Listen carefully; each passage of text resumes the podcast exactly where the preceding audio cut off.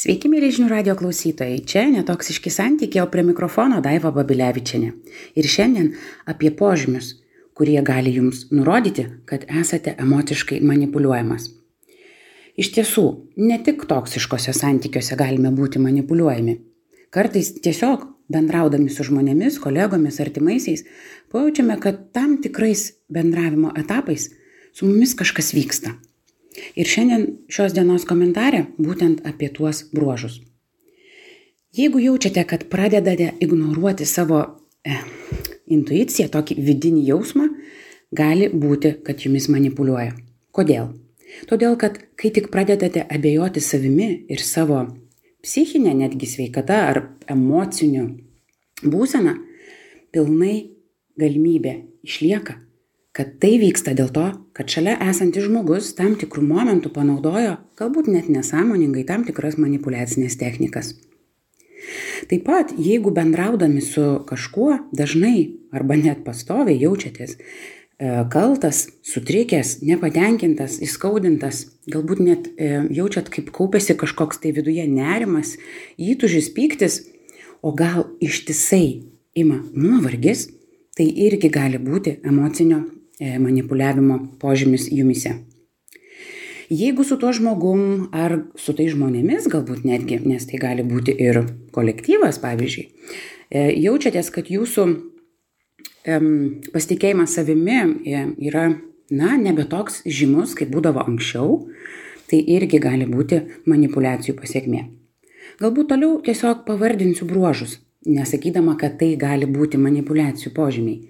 Tiesiog bendroji visumoji, jeigu klausydami manęs pažinsite, kad daugelis šitų požymių jums tinka, vertėtų turbūt daugiau įsigilinti, kas yra emocinės manipulacijos ir kaip jos veikia jūs, kaip jas atpažinti ir ką daryti. Taigi, jeigu dažnai atsiprašinėjate, nors nesijaučiate viduje, kad kažką blogai padarėte, jeigu tas bendravimas ar santykis jaučiasi kaip žinot emociniai amerikietiški kalneliai. Tai labai gerai tai labai blogai. Tai labai gerai tai labai blogai. Jeigu pradedate daryti dalykus kurie yra ne pagal jūsų vertybinį medį jeigu bendraujant atrodo kad vaikštote ant peilio ašmenų nes tiesiog nežinote kada įvyks kažkoks protrūkis ar kažką tai neva tai pasakysite. Neteisingai ar padarysite neteisingai tame bendravime santykyje nesijaučiate nei saugus, nei tikite, kad jumis pasitiki, nei jūs galite pasitikėti, nėra bendro tokio užtikrintumo jausmo. Dar vienas labai toks e, žymus, jeigu tame bendravime santykiai jaučiate, kad jums bet kada reikės gintis. Ne, toks, ką be pasakytų, aš žinau, kad aš turiu gintis.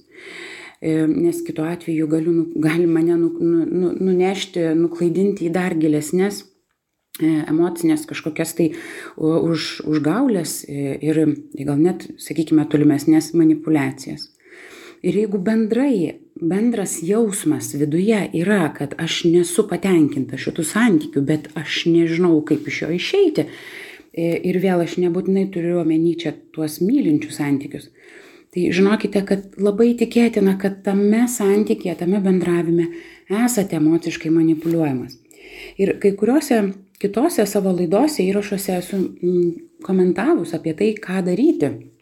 Kai pajaučiate kad esate dažnai kaltinamas e, kažkokiais e, dalykais kurių galbūt nepadarėte arba kaltės jausmas iššaukiamas kai bandote brėžti savo asmenines ribas. Jeigu jau jaučiate kad tiesiog esate iš esmės nebe savimi tame santykyje, bet ne bendrai gyvenime, bet bendraujant su tam tikra žmonių grupe ar su vienu asmeniu, tuomet būtinai reikia pradėti gilintis į tą temą, ieškoti e, daugiau požymių, e, ar tai yra tikrai emocinės manipulacijos ir tada mokytis brėžti asmeninės ribas arba galbūt stiprinti savo savivertę mokėti atsakyti į tam tikrus e, pasakymus, e, pastebėti, kas vyksta, ką bando su jumis padaryti. Tik tokiu atveju iš tikrųjų galima sustabdyti emocinį tą manipuliavimą arba tiesiog iš jo pasitraukti. Ir tikrai emocinis manipuliavimas, m, mm, negaliu pasakyti, kad tai yra kažkas, ką visi daro tyčia. E, yra jo labai daug išmokta ir perduota iš kartos į kartą. Tiesiog e, mes dabar gyvenam tais laikais, kai tikrai galime daug šviestis, domėtis, mokytis e, ir taip toliau ir panašiai. Kas prieš tai buvusiom kartom e, tikrai nebuvo nei aktualu, nei buvo galimybių. Ir nebuvo jiems lengva nei reikšti savo emocijas, o ką kalbėti apie pažinimą bendrai gal net nebuvo sąlygų. Todėl kai kuriuos savo poreikius žmonės išmoko tenkinti emociškai manipuliuodami. Ir aišku, kai mes augome arba augo mūsų tėvai, tokį elgesio modelį, tokį bendravimo modelį tiesiog natūraliai išmokome ir naudojame net, susima, net nesusimastydami. Tad pirmiausiai, kad tas pokytis įvyktų, bandykite atpažinti, kaip jaučiatės, domėkitės patys, ar ne emociškai manipuliuojat, ar jumis nemanipuliuoja. Ir tada galėsime išvysti tą pokytį, mažutį, po truputį, po truputį. Linkiu geros dienos. Čia buvo Daiva Babilevičiane ir netoksiški santykiai.